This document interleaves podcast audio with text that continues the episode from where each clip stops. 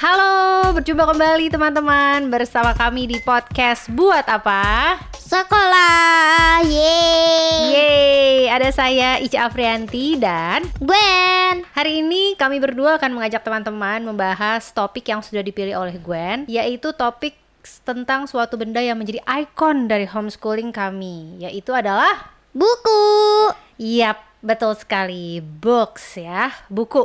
Ini menjadi ikon dari homeschooling kami karena memang hampir setiap hari selalu ada menu baca buku.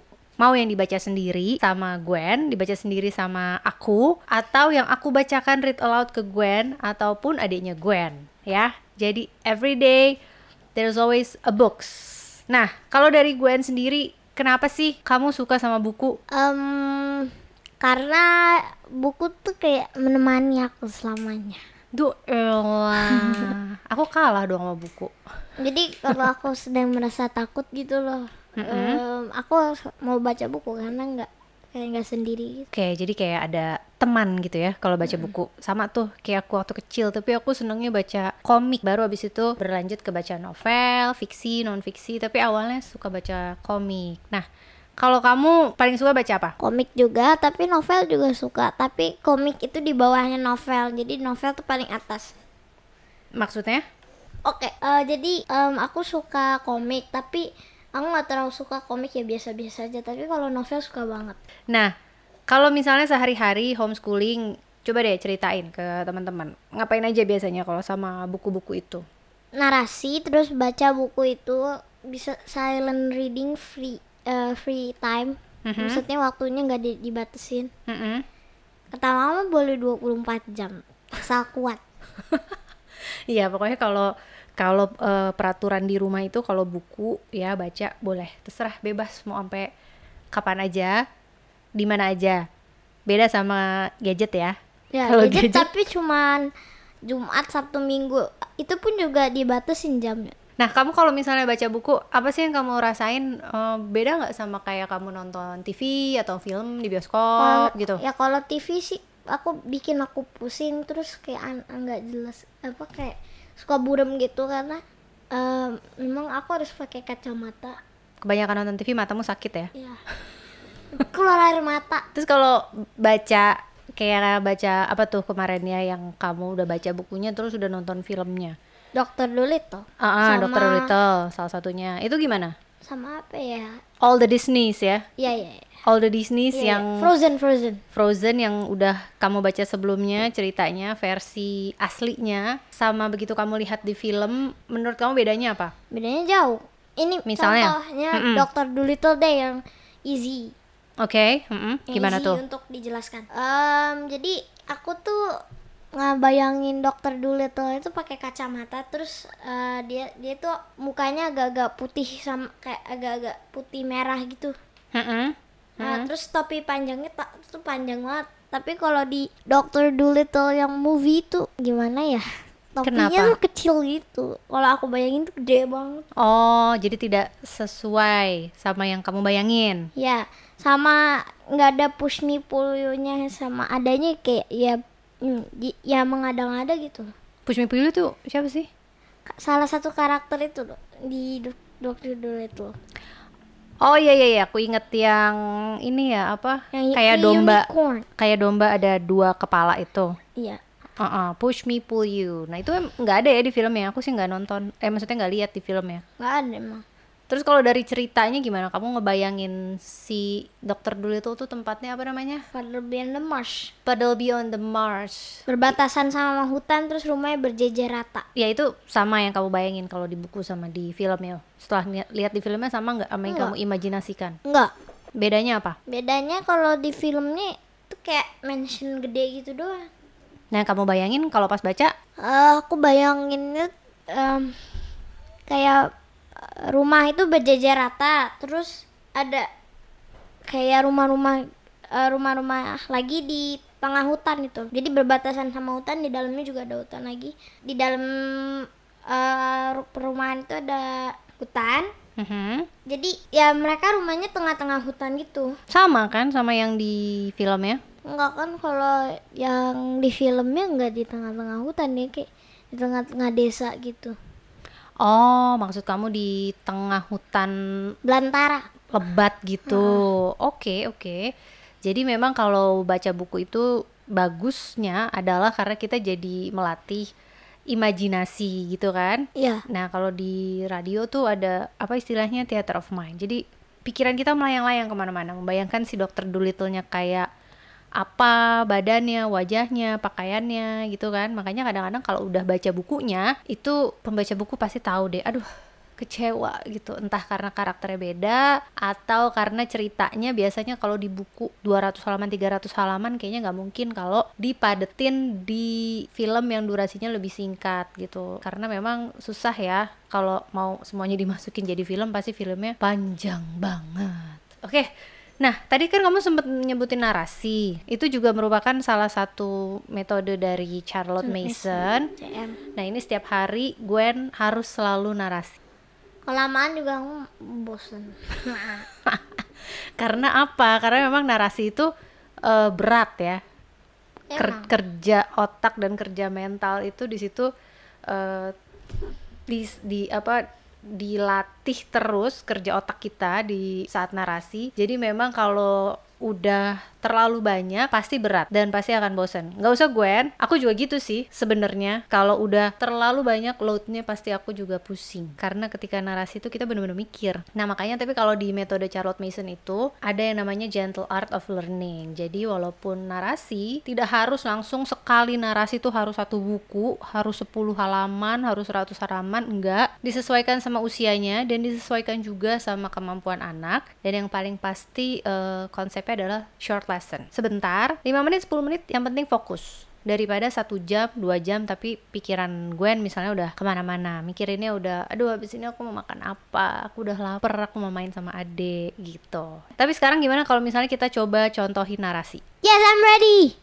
Oke, kamu mau narasi apa nih? Ada Hans Christian Andersen, kumpulan dongeng, atau mau narasi eh, yang lagi kita pelajarin itu ada Alfred Russel Wallace, Kepulauan Nusantara. Mau yang mana?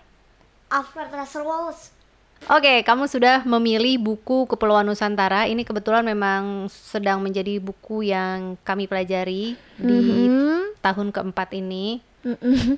Dan kalau misalnya teman-teman mau coba narasi juga boleh karena ini bukunya sebenarnya buku yang sudah layak juga dibaca orang dewasa karena aku pun sebetulnya bingung membaca ini belum selesai juga. Jadi kita sama-sama belajar ya Gwen.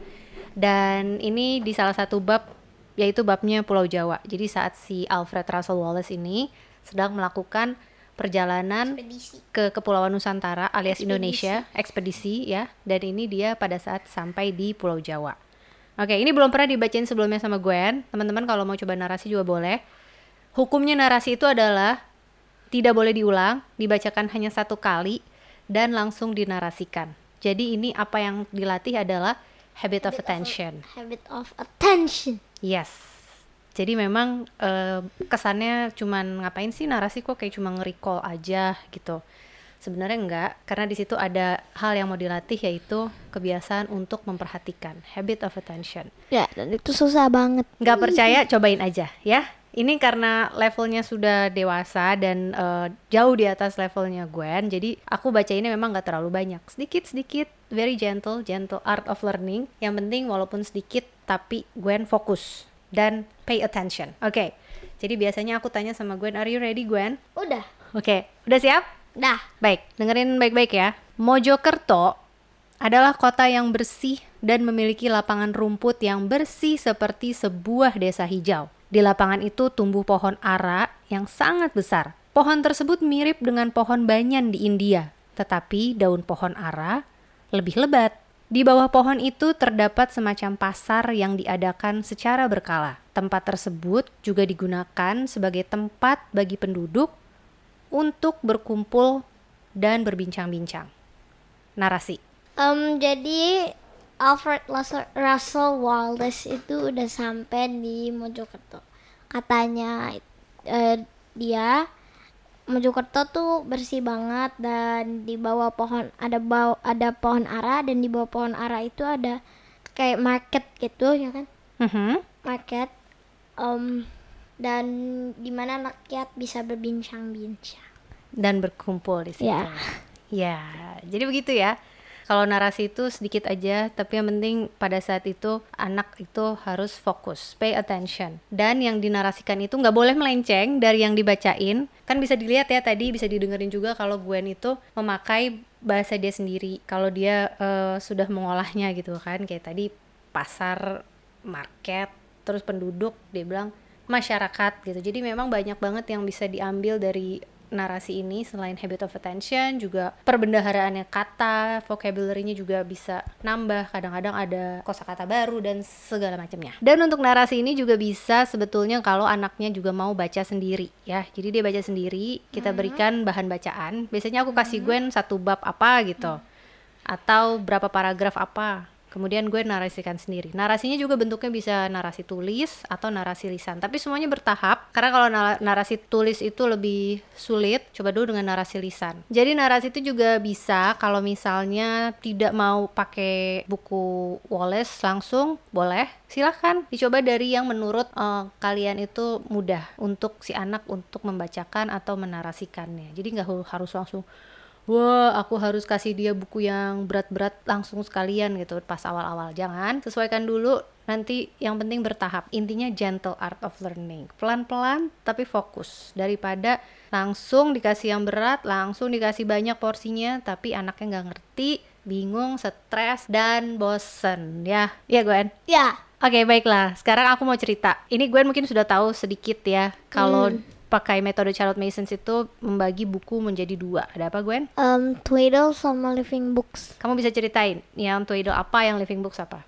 Nanti Jadi aku itu tambahin. is- eh, um, kayak Twiddle itu tuh kayak ciki-ciki gitu. What is cheeky? Ciki kesukaan, nah gitu jadi iklan. Bukan ci kayak snack kecil gitu.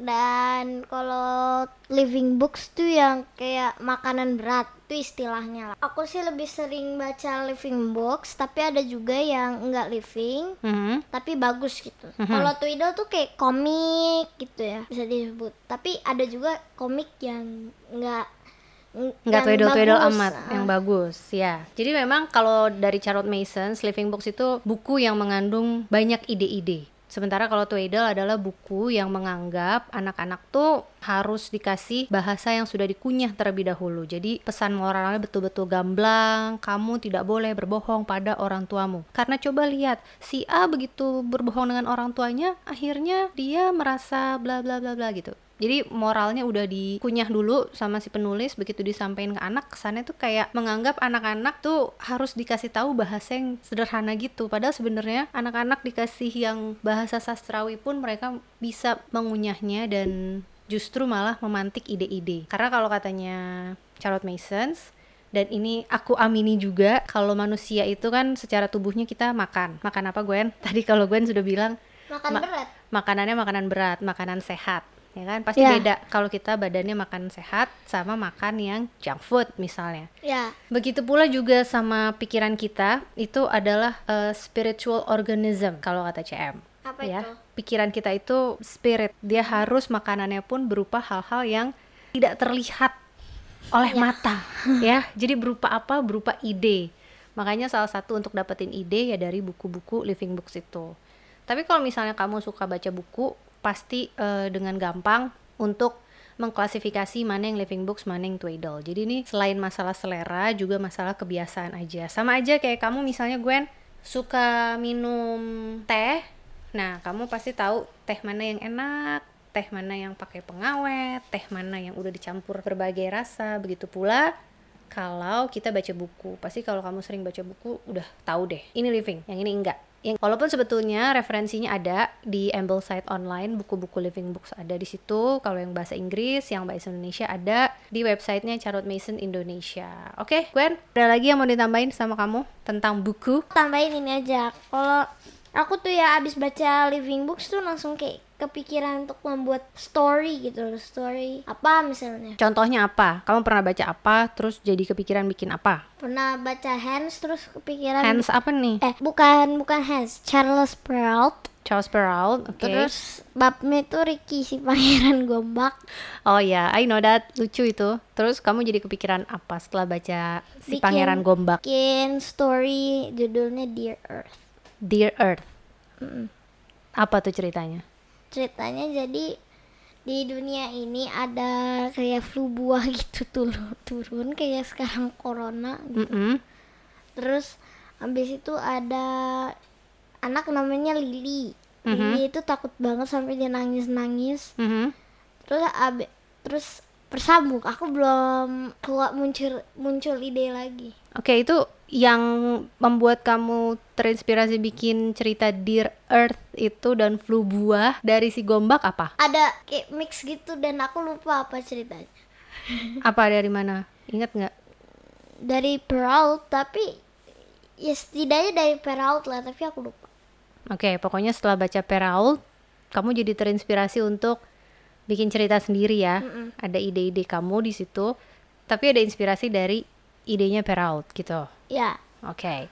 Ya sudah, baiklah. Nanti kami akan ketemu lagi mengajak teman-teman untuk ketemu lagi dengerin podcast kami berdua di buat apa sekolah dan sekarang sampai segitu dulu tentang buku. Teman-teman boleh kirim saran, kirim komen, datang aja ke at Malaika bermain ke @malaika bermain di at Instagram Malaika bermain dan juga di blog blognya apa Gwen? Malaika bermain com. Oke, sampai ketemu lagi ya teman-teman di episode buat apa sekolah berikutnya. Saya Ica Afrianti pamit dan ku Gwen aku pamit dulu ya bye guys bye.